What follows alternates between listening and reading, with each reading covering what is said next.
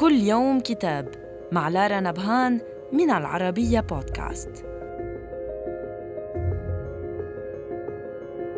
كتابنا اليوم بعنوان شوبنهاور مقدمة موجزة من تأليف أستاذ الفلسفة الباحث الأمريكي كريستوفر جانوي الذي يشرف على ترجمة شوبنهاور إلى الإنجليزية بالتعاون مع جامعة كامبريدج.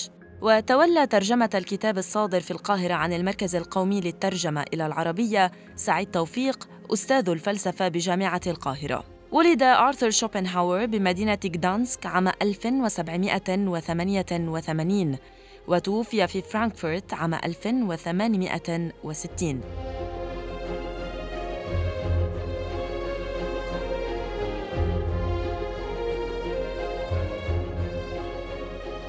حياة اجتماعية ونفسية مضطربة شكلت شخصية الفيلسوف الألماني الشهير شوبنهاور وأدت دورا مهما في النزعة التشاؤمية التي اتسمت بها أفكاره ورؤاه حتى لقب بفيلسوف التشاؤم.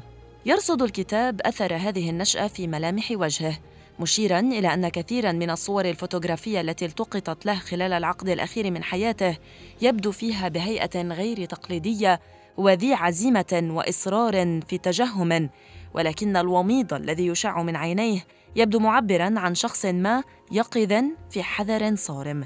وقد وصفه نيتشه قائلا إن الطاقة الإبداعية المتمردة لرجل في العشرينيات من عمره هي التي أنتجت كتابه العمدة العالم إرادة وتمثل. صدر الكتاب عن دار المركز القومي للترجمة وإلى اللقاء. مع كتاب جديد.